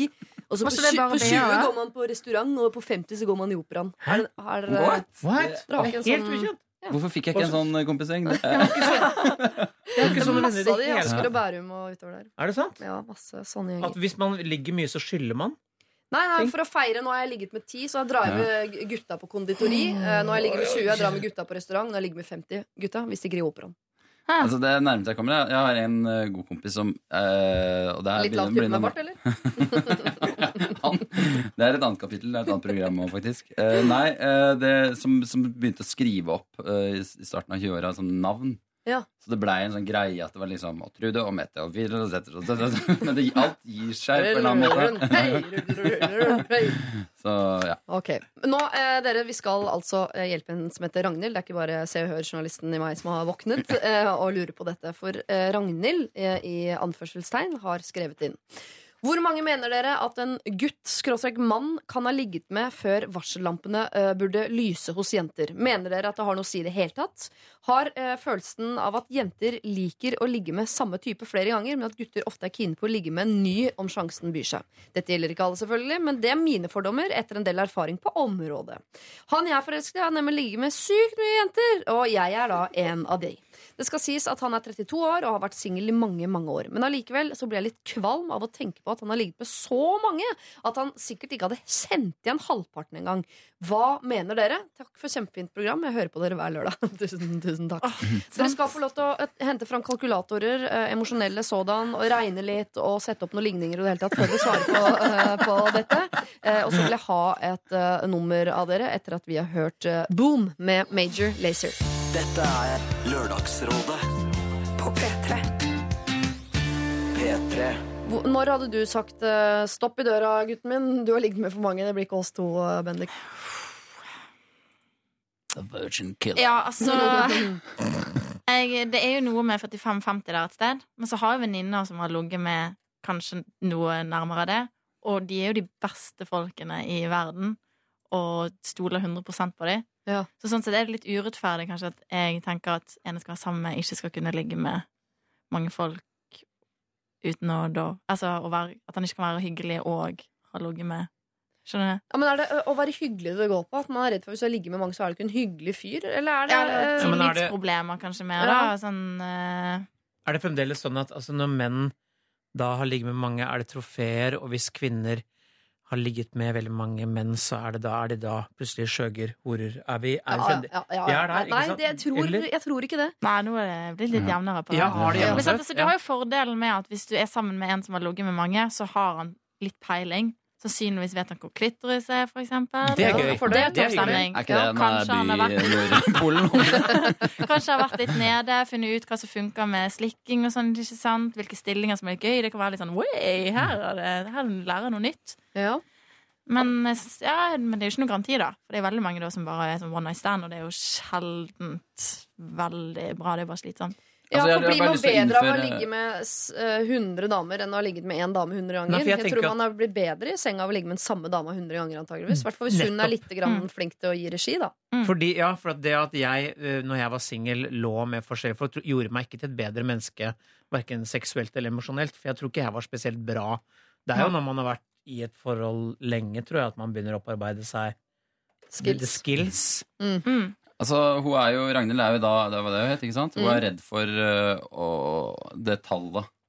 Og jeg tror kanskje jeg bare har lyst til å innføre en ny øh, m- måleenhet. Og det er ikke liksom antallet, Fordi det tror jeg også har forandra seg faktisk mye de siste ti åra. At det, nå er det faktisk mange som ligger med mange flere, og det blir mer snakk om det. Men jeg tror hvis du møter en type som fortsatt er veldig opptatt av å skryte av det, sånn veldig sånn åpenlyst, ikke bare til å betro seg til en kompis og sånne ting, men er fortsatt på den derre Jeg har fortsatt Oi, ikke poppa det, liksom. Jeg kan nå nye høyder. Mm. Da tror jeg du er for uh, Da er det litt vanskelig å gå inn i et forhold med en sånn type. Mm. Men hvis det er en litt mer sånn hvor mange har ligget med uh, det, altså, det er ikke bra for deg å høre. Eller det hørtes veldig cocky ut, men Ja. altså, det er litt uh, Hvis han er veldig stolt av det og fortsatt er sånn uh, trofé Men så er hunter det fortid, det er jo fortid, og Ja, altså, jeg det tror- kan være bra å kunne klare å bare legge det Ja, så, jeg, så vi kunne liksom sagt 50 eller 20 eller eh, 80 eller ubegrensa og sånne ting. Men jeg, tror jeg, jeg, jeg, er jeg sliter med å liksom finne det tallet, da. Ja. Jeg tror det er mer sånn hvordan eh, du behandler det tallet. Og Han Eller er hans- 32, vært singel Hans lenge. holdning til det tallet. Ja. Om han er Mm. ekstremt stolt av det. Men etter at han har ligget med meg i går, liksom tar uh, helikopter ut av soverommet og begynner å sk skrive det inn i boka si. Næ, næ, næ, næ, næ, 99. Altså Han er liksom helt uh, kongen på haugen stolt av det. Eller om han har sagt igjen sånn åh, Ja, når du først spør. Det har blitt 99, liksom. Det Ja. har det. Og du er nummer 100. Ja. Hvem er prinsessa nå, liksom? Ja. Men fordi, hva er det Ragnhild syns er vanskelig? For meg så tenker jeg at det er to ting. Det er, en ting er antallet, at man er redd for å bare bli en del av statistikken. Å ja, da var jeg nummer 100. Jeg lurer på hvem nummer 101 og 102 og 103 blir. Eh, og så er det altså det sammenligningsgrunnlaget. Sånn, eh, Sjøl er jeg jo tidligere fortidssjalu. Altså, jeg liker ikke å bli sammenligna med andre mennesker. Og det kan hende at Ragnhild sliter med sånn Å ja, eh, ja, du sier at jeg er flink, men det sa du vel sikkert til nå holdt jeg på å si Karsten og Petra òg, som eh, De er fine. de to er Hvor gamle er de nå? Er de sju år? Åtte år? Ah, skyt meg. Eh, Men ehm, eh, Anita var jo god på dette, og det jeg sa det til hun. Uh, Petra var god. Jeg må ha med Petra. At man ikke ville bli sammenlignet. Bjarne Man vil, Betén var være, eldre òg. Karsten fikk ikke se på. man vil jo være unik. Det er det som er særlighet. Man vil at det skal være unikt, og det føles jo ikke så unikt når du er nummer 101. Men jeg tror, jeg tror faktisk at du eh, sånn sjalusimessig så er det ikke så stor forskjell på om det er faktisk én person til noen jeg ligger med. Fordi de, de færreste Det kan være verre, det. Ja, altså Det kan være kjipere, fordi, fordi de færreste tar den praten med den nye potensielle kjæresten eller kjæresten. Den derre Ok, beskriv hvor bra var det å ligge med den forrige, på en eller annen måte. Mm. Det er det hun frykter. Det er, jeg tror ikke det er faktisk eh, antallet. Det er litt sånn jeg kanskje er på 37. plass, altså hvor han begynner å rangere sjøl og sånne ting. Mm. Så der tror jeg det er bare å ta det play it cool. Play it cool. Ja. Eh, Ragnhild, hvis dette er en uh, fyr du er forelsket i, og dere har det bra, så tror jeg du heller skal være mer uh, opptatt av uh, for det første hans holdning til antallet han har ligget med. Og så legger du det bort, og så prøver du å være litt mer fokusert på hvordan han oppfører seg overfor deg. Hvis han får deg til å føle deg unik, så vil det tallet etter hvert bli svakere og svakere, og en eller annen dag så betyr det ingenting. Akkurat nå er det viktig, men det går over. Jeg har nylig begynt å date en fyr som jeg liker godt. Han er morsom, vi har mye å snakke om, og vi har mye, mange felles verdier. Det jeg synes er vanskelig, er at han flere ganger prøver å stille meg til veggs hva gjelder hudfargen hans. Han er født og oppvokst i Norge, men familien er opprinnelig fra et afrikansk land, og han er derfor naturlig nok mørk i huden. Dette er noe jeg ikke ofrer en tanke selv, men det virker som om han tester meg for å se om han kan avsløre noen fordommer hos meg.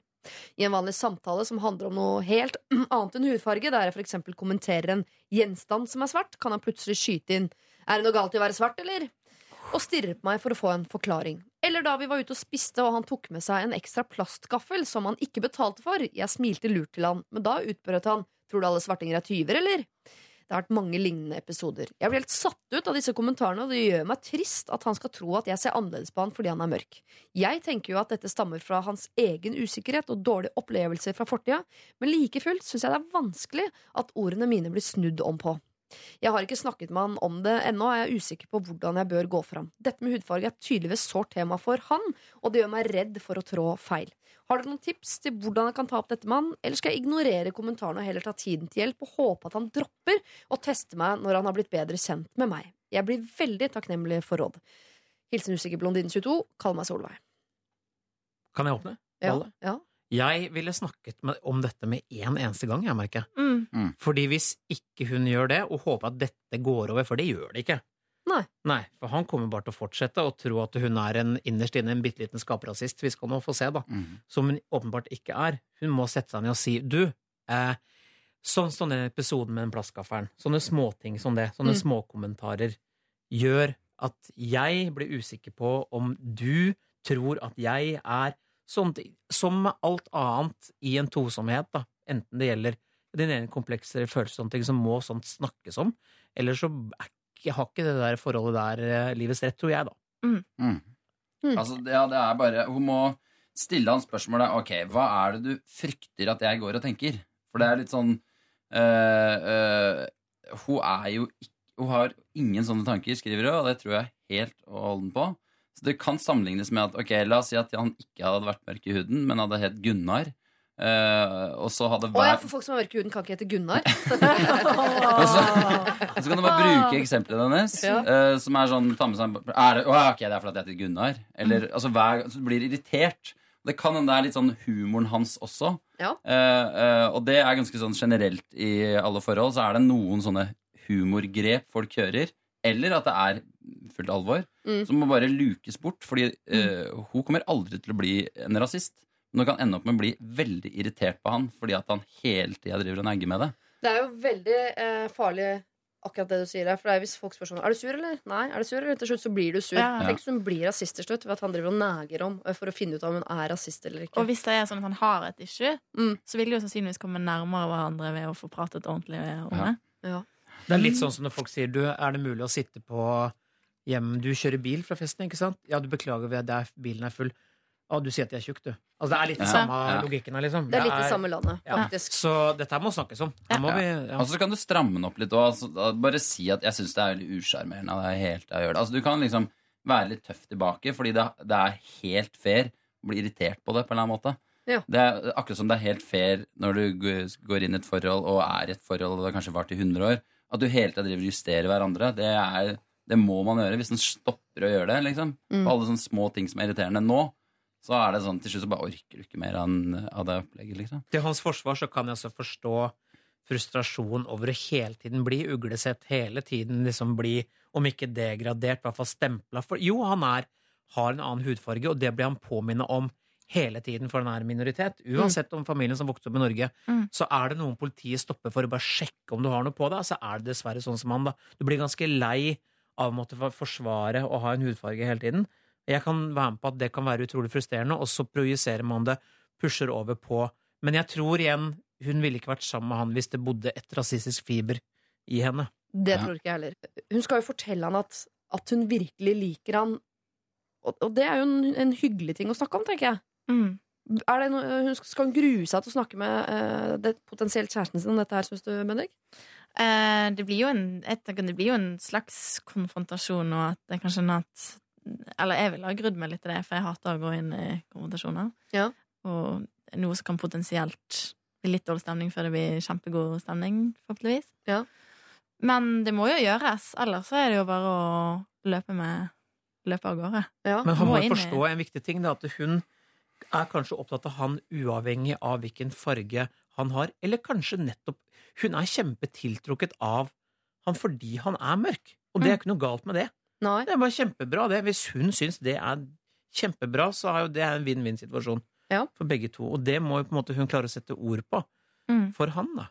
Og så tror jeg kanskje også det er fint i en sånn eh, setting å kanskje ha flere spørsmål enn flere svar, på en eller annen måte. Og fordi det handler jo sikkert mye om den usikkerheten, og det er jo sånn eh, i mange forhold så er det jo gjerne sånn at du har du det kjipt på jobben, så bare tar du med deg alltid en deilig plastikkpose, så bare heller du det over den Ja. som står deg nærmest. på en eller annen måte. Mm. Så jeg tror veldig mange svar er sånn eh, Ja, det handler ikke om deg, men det er veldig deilig å bare få det ut på deg. på en eller annen måte. Ja. Og det tror jeg også er no, eh, noe som Der må hun nok legge inn en slack Men det er, eh, det er lenge, på en eller annen måte. Men det er liksom å gå inn i og si sånn Hvorfor, hvorfor kommer du med den Hvorfor sa du dette akkurat nå?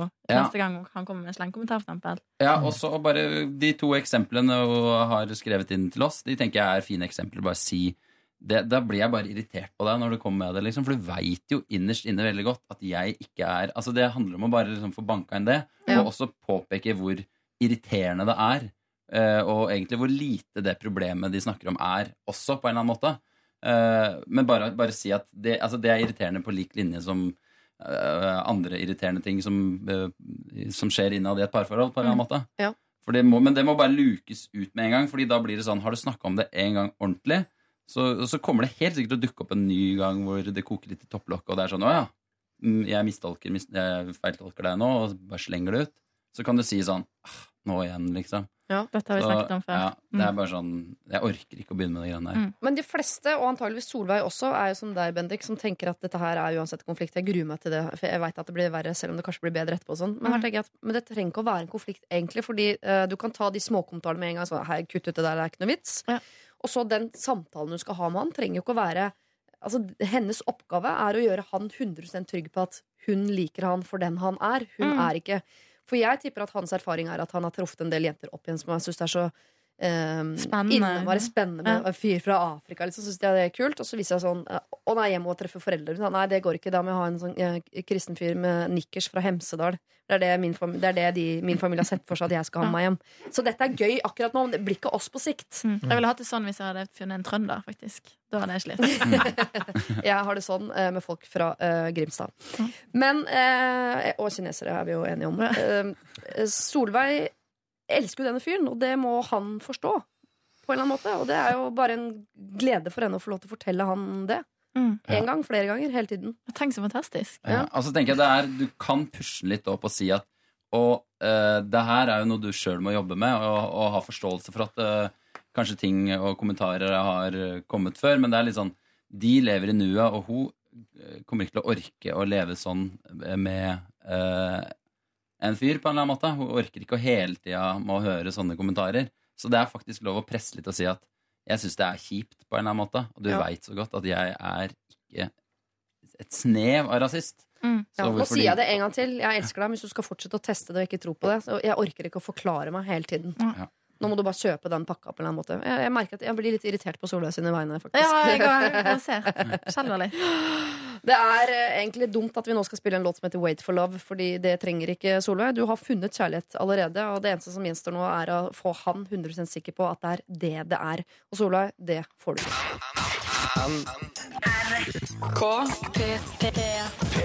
P3. Vi skal snakke litt om ull. Er det Og det har jeg så mye issues med. Og det kan jeg litt om, ass. Etter jeg fikk barn, så kan jeg mer om ull enn noensinne. Mm. Ja. Det skal være ull innerst. Mamma har aldri fått på meg ull. Er Jeg, jeg har heller aldri fått på meg ull. Det klør? Ja, det, jeg skjønner bare ikke hvordan folk klarer det. Strikkegenser innerst klør. Ja. Ull trenger ikke klø. Jo, jeg Altså- klarer sånn her bambu. Ja, men er det ikke bambul? Er det ikke bam- det som er greia? Ja, det har jeg, det har jeg begynt med nå. Ja. Men også det er sånn OK, jeg bruker ti sekunder å mote meg opp, og så tar jeg litt og litt. Og Ja. passer på pusten. Jeg har akkurat vært gjennom det, og det er ikke fordi jeg har fått barn, men jeg, et, det var etter andre, to sesonger med Karl-Ann. Ja. Så Jeg brukte da hver dag på å få Hasle å gå med ullstillongs under de litt trange hipsterbuksene. For, Ja. for det måtte jeg til slutt, for han satt og skalv hele, hele Det sesongen. det, var det det var det som var greiene. Jeg trodde bare det var ja, sånn han var. Ristete type. Jeg trodde han hadde litt sånn abstinenser, men det var kulda. Mm. Dere, Det skal dreie seg om ull, men det skal, eh, som du var inne på, Christer, også dreie seg om babyer, selvfølgelig, i dette problemet. Jeg er en jente på 30 år, gravid for første gang. Min søster er to år yngre enn meg og gravid for annen gang. Hun har termin noen måneder før meg. Her kom problemet. Min mor har vært svært flink til å ta vare på alt babyutstyr fra når vi var små. Alt fra vugger, barnesenger, lekegrinder, barnestoler, ullsoveposer, dundyner, ullklær og nydelige kjoler. Alt er svært velholdt, og det er god kvalitet. Min søster brukte alt dette utstyret forrige gang hun fikk barn, og nå tar hun det som en selvfølge at hun skal få bruke alt en gang til.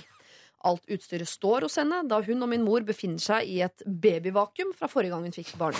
De snakker kun om barn. Jeg bor i en by ti mil unna. Jeg mener det er min tur til å bruke utstyret. Og hun kan ikke kreve at alt er hennes kun fordi hun har brukt det på sitt forrige barn. Jeg vil ikke lage dårlig stemning mellom meg og min søster, da det er ganske dårlig utgangspunkt utgangspunktet. Men hvem har krav på utstyret, syns dere? Og øh, hvem må bruke tusenvis av kroner på nytt babyutstyr? Med vennlig hilsen Kaja. Min og din ull, typisk problematikk. Er det Kaja som øh, nå skal ha alt i denne runden, eller skal det bli der Det er en delikat ilandsproblemstilling, dette her. Ja. Men det kunne vært altså, det- Det er snakk om øh, verdier, men her er det også Det kunne vært snakk om vanlige penger, det kunne vært snakk om arv, men her er det også noe nostalgi inne i bildet, tror jeg. Ja, selvfølgelig. Affeksjon. Ja, ja, ja. Er det ikke bare å foreslå å møtes på midten? Altså det er, jeg syns det er urimelig at hun skal liksom siden lillesøstera fikk barn før og har brukt alt i en runde. Så det er jo ikke sånn Du skal ikke kjøre, parkere folkevogna di liksom innerst og bare mate bilen med rubler rask, tenker jeg. Men det går an å foreslå at er det ikke helt dele det? på en måte, Velge annenhver ting, og så en dobbelt fucky, og så drar du på en eller annen måte? ja. Den utvelgelsen av annenhver ting, det er, sånn, det er jo et scenario. Ja, det Der er det rom Film for mye sånn konflikt og Nei, men den, strøm, den strømpebuksa hadde jeg, og det der det, det, Nei, det er min body. Ja, fordi at, Ja, eh, hun lillesøsteren har jo brukt det sist. Også så Ja. Hmm. ja. Hmm. Så tre siklesmekker kan byttes i én strømpis. Mye matte her. Mye matte. Mye, ja. Og så er det en annen ting òg, siden det er sånn, jeg nevner en bisetning at det er litt sånn dårlig forhold mellom henne og lillesøstera. Ja. Så er det sånn Ok, du har mange kamper du skal kjempe her i livet. Er virkelig det her en kamp? Mm. Eller går det an å bare Lage nye minner med nye Ja. Du er så rasjonell. i det. Kineseren feia du av banen, og du sier 'er dette et problem'? Du er så bra. Jeg vil at du skal være med meg Hjem. hver dag. Hva skal jeg si, men hør på hva Erik sier, da. Det er bare teorien. Jeg er et rasshøl når jeg kommer hjem, og da er det bare sånn Vi skal ikke bruke den ulla der! Og river opp bodyer og er helt masse. kan du bare komme inn og megle og si 'unnskyld meg, men hva er egentlig problemet?' Så kunne dere bare delt opp. Hege, Christer, setter dere hver deres ende av eh, Ja, men be å Send over kontonummeret, så skal jeg se hva jeg får ordna. Men det kan, jo, det kan hende at eh, hun er storesøsteren at kanskje det er enkelte ting som betyr ekstra mye. Og at hun kanskje kan spørre Kan jeg få den bodyen og den pysjen. Det hadde betydd mye for meg. Mm. Det har jeg satt veldig pris på. Men resten kan jeg gå med på å kjøpe, men bare akkurat disse her to-tre tingene her, det hadde jeg eh, blitt glad for. Jeg er helt enig i det. For det, ja, men jeg tror ikke dette Det handler ikke om de tusenvis av kronene. Eh, det handler egentlig ikke om den brukte ulla heller. Eh, og dessuten sånn logistikkmessig så, går dette i mitt eh, autistiske hode så går dette fint opp. Søsteren din har termin noen måneder før deg, så det vil si for hver gang hennes barn nummer to har vokst ut av noe, ja, så er det ditt. Men så er det dette uh, seng og lekegrind og sånn selvfølgelig, som må deles i to. Men jeg tror dette handler om noe mer, i og med at hun nevner nettopp den bisetningen som du er så flink å legge deg uh, opp i, Erik, at de har et dårlig uh, forhold i utgangspunktet. Så nå dere, skal vi se om vi klarer å få snudd ulla til å bli en potensiell katalysator inn i et dårlig søsterforhold som nå skal bli bra. Men det er ganske vanskelig. Ingen har klart å snu ull til lykke før. Ingen har klart å gjøre Vent litt, hold it. Ull til gull. Oh, det høres ut som et TV-konsept på TV3. ja, fra ull til gull med Sarah Natasha Melby. Det skal vi Det gjøre. er litt sånn eh, Det første jeg begynner å tenke på, er liksom alkohol, og det går jo i hvert fall ikke an som en løsning. Håper jeg. Alkohol du kan bli i veldig godt humør av alkohol, Men har jeg lest i KK.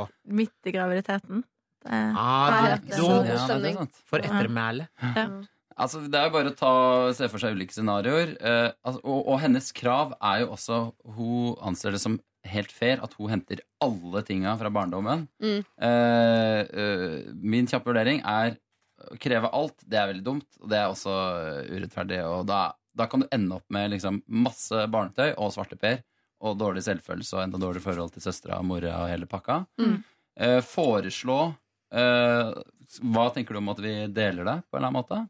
Om to hauger og loddtrekning, eller det, det, det merker jeg at jeg driter i, faktisk. Men å, Mm. å dele det, og hvis søstera da er kjip, så må du liksom ta et valg. Ok, skal jeg kjempe for det her?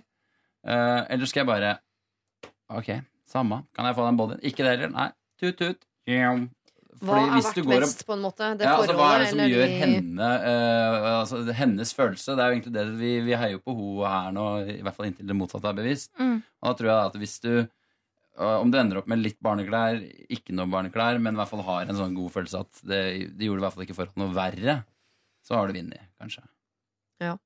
Hvor, men jeg, eh, jeg tenker jo bare at hun også kan gå direkte på mor og si sånn Hei, mamma, nå har jo uh, lillesøster fått alt babyutstyret, og jeg trenger jo også masse ting. Vugg og barneseng og ulpeposer og dyner og Kanskje du kan være med å kjøpe inn det, eller er det noe du har lyst til å være med å sponse, eller at hun legger på en måte sårheten over på, på det, eller spørre sånn Sette seg ned med mor, fotoalbum, hente fram disse sånn var det noe som jeg var spesielt glad i som barn, eller er det noe av dette som er spesielt for meg? Og så bruker mamma litt liksom, inn i dette her. For det er jo mamma som har Det er hun som er distribusjonskanalen av ting.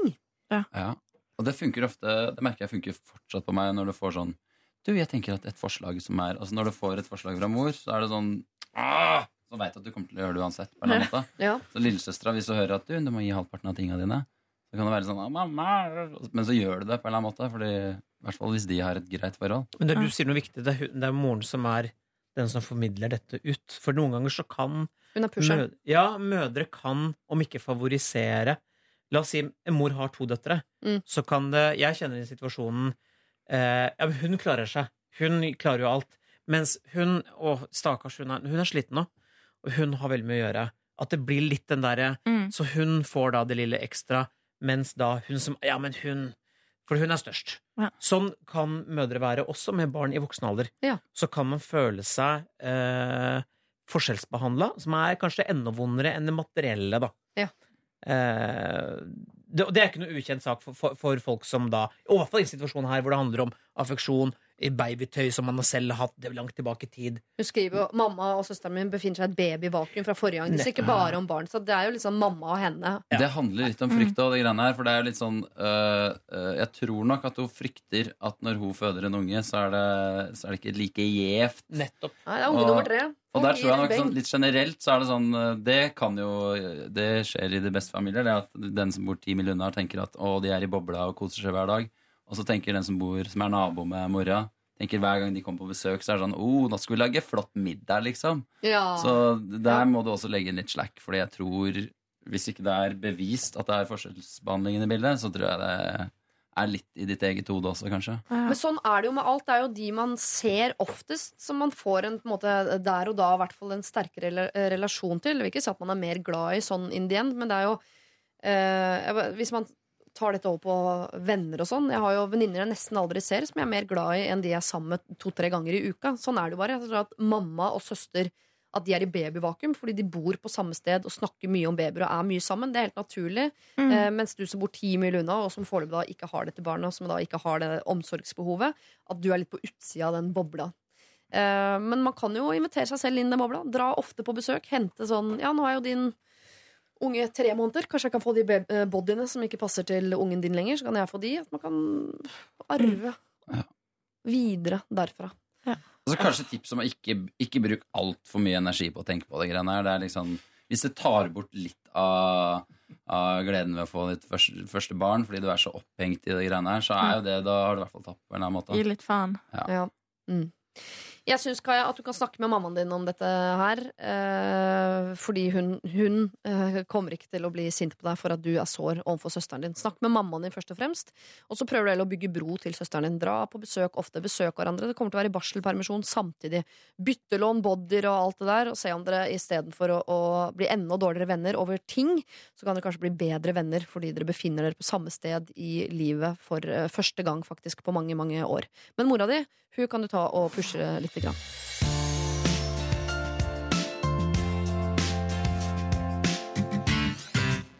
Vi skal til eh, morgenens siste problem, folkens. Det er fra Hanne21.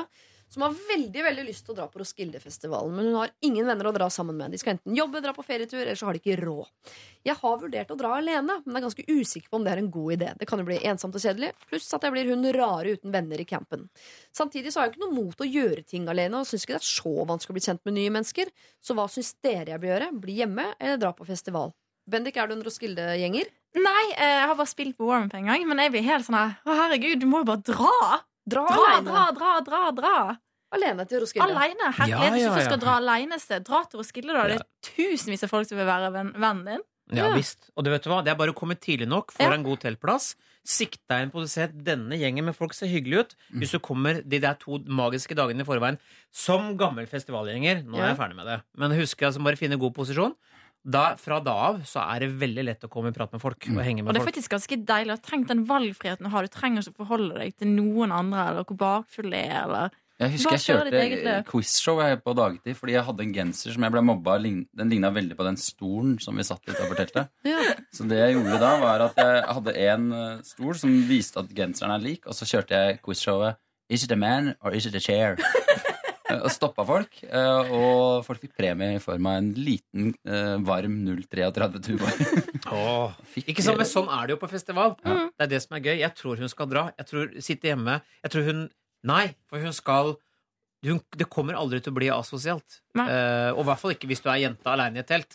Skal jeg love deg at det tror jeg ikke blir upopulært. Men eh, nå må HMS-ansvarlig bryte inn her og si eh, skal hun jente alene dra på telttur til en festival eh, og bo inn i et rom som ikke kan låses med eh, drita fulle, eh, seksuelt frustrerte kåte menn rundt? Selvfølgelig. Jeg tenker ja. Er det Jeg er ikke sånn. Jeg har bare HMS-ansvar her i Lørdagsrådet. og er nødt til å stille Ja. Ja, men det kan skje, det kan skje når som helst. Ja, om du er hjemme eller om du er på Roskilde, har ingenting å si. Til forsvar for festivaler så er det urovekkende lite voldtekter, ran, vold og den slags på en festival, fordi folk utgangspunktet samles rundt musikk, som er vår siste utopi.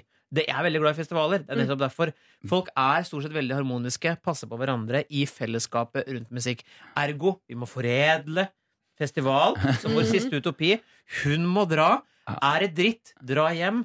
Jeg tror ikke det blir det. Jeg tror hun kommer til å møte masse Det er nettopp det. Du kan alltid dra hjem. Det kan du. Det kan- Aleine. Og sannsynligvis så finnes det vel noe sånn uh, Vi skal på Roskilde-gruppe på Mhm. Facebook og sånn òg, Ja. som ikke er helt Ikke lukket. Eller sånne ting. Altså Det går til og med an å og For jeg tenkte på det at ja, du skal dra, du skal ikke bare dra for oss fire og bare leve livet og kose deg og tenke at alternativet er å ikke dra. Det er eh, ganske mye kjedeligere. Mm. Det fins ja, sikkert en gruppe for alle oss som skal på Roskilde i år-gruppa. Ja. Men Men du kan prøve blant altså, bare sine egne venner på Facebook. Så er, det er mulig å bare skrive en litt morsom status som er sånn ah, greia er, jeg prøvde å få med meg litt folk.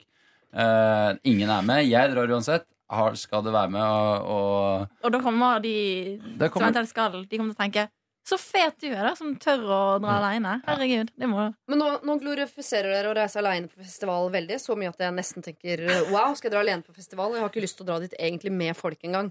Eh, da er kontrollspørsmålet har dere gjort det selv? Dratt alene aldri- på ferie? Noensinne?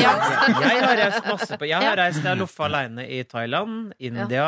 Jeg reiser ofte til London aleine. Ja. eh, fordi jeg bare syns at da styrer jeg opplegget mitt sjøl. Mm. Og jeg vet akkurat Det er bare meg det handler om. Jeg trenger ikke ta hensyn til noen. Nå høres du ekstremt gøy ut. Det har vært masse i Thailand alene. London. papaya Nei, men jeg er enig, enig i det. Altså, det kan være litt eh, skummelt kanskje første gangen, men du må en, først, en gang må være første, og da tenker du Roskilde eh, smooth. For for nye venner. Var i Thailand. Det gjorde, jeg tenkte sånn, vet du hva jeg skal gjøre nå? Skal jeg ut til en sånn avsidesliggende resort, ta meg en stack med bøker, skal jeg koble meg av nettet og bare liksom, liksom Nå skal Christer lese og slappe av. Mm. Etter tre dager så holdt det på å klikke for meg. For jeg var jo ikke sammen med noen mennesker, da. Så jeg bare jeg kjørte, tok buss til nærmeste resortet, hoppet på sengen og sa 'Hello, where are you from?' For jeg måtte bare snakke med noen. Jeg måtte, jo, men jeg er sosialt anlagt. Ja. Og det er så lett å komme i kontakt med folk, for det er så mange andre der som også enten reiser alene eller er bare sosiale. Så det å reise alene på en festival tror jeg for en jente eh, er uproblematisk. Ja vel, spennende, litt sånn nervøs rundt det, men som du også sier, Bendik, er hooke opp med noen sosiale medier i forkant, liksom, så er det alltid noen og du kan møte og bli kjent med. Men jeg får bare lyst til å si, fordi jeg sitter jo her og bare sier dra, dra, dra.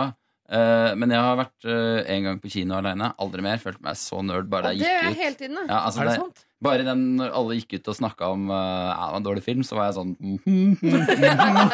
Aldri mer! Aldri mer. Altså, og jeg, en gang i NRK-kantina, det er jo det verste stedet å sitte aleine. Ja. Da hadde jeg ikke noe da, Det var liksom Ja, du fisker fram en telefon. Men da tenkte jeg altså at vet du hva, jeg tar meg den bagetten neste gang jeg setter meg på pulten. liksom Så det, så det er lov til å til Selve tiltaket Altså, jeg Ja. støtter helt og fullt at du, du skal reise alene, uh, men det går også an å jobbe litt for å se om hvert fall du har et reisefølge. Altså Mm. Bare sleng deg på. For det, det er det som er kjedelig med å reise alene. Da er det sånn når du tar toget fra Gjøvik, liksom, så er det ja, nei, da skal jeg bare stoppe der, og så skal jeg ta meg en liten bagett ned på Oslo. Jeg begynner kanskje å ta første pilsen. Og, altså sånn, Og det er garantert mange som reiser reiser Men sliter du med det? Jeg, jeg, jeg tenker ikke over det engang. Så mye ja, da, som jeg spiser det er. NRK-kantina. Ja, ja, ja, men- Sånn kafé er greit, men NRK-kantina det er sånn Oi, ah, har det blitt digg og endeløst? Overnatta, Kjendis liksom. alene Den går. Nei da, det er litt for uh, Kan vi ikke si at du skal dra? Kan vi ikke gjøre det? Jo, vet du hva? Jeg Men som du sier, ta i hvert fall og hooke opp og se om du kan få med deg noen. Bli kjent med i forkant. Vær den Møte. kule jenta som legger ut på Facebook. Jeg stikker til Roskilde da og da aleine. Hvis noen kjenner noen som kjenner noen som kjenner noen som skal dit, så hook oss opp. Liksom. Ja. Så kan du treffe de. da Så blir du treff, kjent med fetteren til naboen til en venninne eller et eller annet. Det blir gøy. Hanne, jeg ville aldri aldri i verden reist noe som helst sted alene i verden. Men jeg skulle så gjerne ønske at jeg var et sånt menneske som dro alene et sted i verden. Eh, jeg har muligheten, jeg også, men min mest gylne og nærliggende mulighet til å gjøre det, er å leve gjennom deg, Hanne21. Så Hanne21, du skal alene til Roskilde. Og vi skal faktisk bli med deg på en eller annen måte. Oppdater oss på hvordan du har det. Send oss bilder. send oss? Send oss de problemene som måtte dukke opp hvis ikke det er av kroppslig art. Der kan jeg ikke hjelpe deg. Eh, og så ser vi hvordan det går. Jeg er 100 99% sikker på at du får det veldig, veldig gøy. Dette er er P3. Eh, vi har hatt mange problemer i dag, og jeg har valgt ut to av de som står som kandidater til å få eh, koppen. Hudfargen hans er et problem for han. Hun kan potensielt eh, få en eh, kopp i dag. Eller så er det June som er usikker på om hun skal invitere med sin demente far til eh, avslutningsshowet på skolen. Altså June med dement far, eller Solveig med kjæreste fra Afrika. Yes. Yes. Mm. Da er det bare å sette i gang hjernen en siste gang. Eh, Altså Akkurat på det med dementfar så starta det med sånn ja-nei. Mm. Og jeg tror nok at eh, alle er litt sånn nja, njei, på en eller annen måte. Den er, Mm. det, er, det skjønner jeg er et ganske sånn heavy, en heavy problemstilling. Så jeg, er jo litt frista til å sende koppen dit. Ja. Fordi da er det sånn Ja, da fikk du i hvert fall en kopp. Ja. På en eller annen måte. Ja. Hva du gjør. Ja. Eh, I det andre eksempelet så føler jeg at vi var litt mer enige og litt tydeligere på hva hun må gjøre. Mm. Har du vært mye på seminar i det siste, eller Erik? Du er så veldig sånn to the point. Og, altså, det er nesten jeg venter at du skal ta Altså- på noe ark og noen penner og noe boards. Jeg har bare lyst til å anbefale Holmsbø. Det er fantastisk. det er fantastisk. Det, Jeg er enig med, med Erik. Jeg syns den problemstillingen er best fordi den er vanskeligst. Ja. Uh, og det handler om ens egen far. Det handler om kjærlighet, hengivenhet, og det handler litt om det å skamme seg eller redselen for det. Eh, Mm. Tungt og vanskelig. Derfor skal hun få koppen. Vil du utfordre Nei, jeg er irriterende enig. Altså, Ja. ja. Jo, men eh, Jeg liker jo når dere ikke er eh, enige om ting, Ja. eh, stort sett i dette programmet. Men på kopp er det veldig deilig når dere er enige. For det er så dumt å krangle seg ut av dette programmet på, på noe så filte som en kopp. Ja, det føles Ja. godt at, å vite at hun skal få drikke fra denne koppen Ja. mens hun tenker. Da har dagens rådgivere, eh, Bendik, Christer Torjussen og Erik Solbakken, bestemt at du, June, skal få en kopp. Og vi håper at du med den koppen finner mot til å være stolt over faren din og ta han med på din store dag. Tusen takk for at dere var rådgivere her eh, i dag. Ha en fortreffelig lørdag videre. Tusen takk. Tusen takk. Ha det. Dette er P3. P3.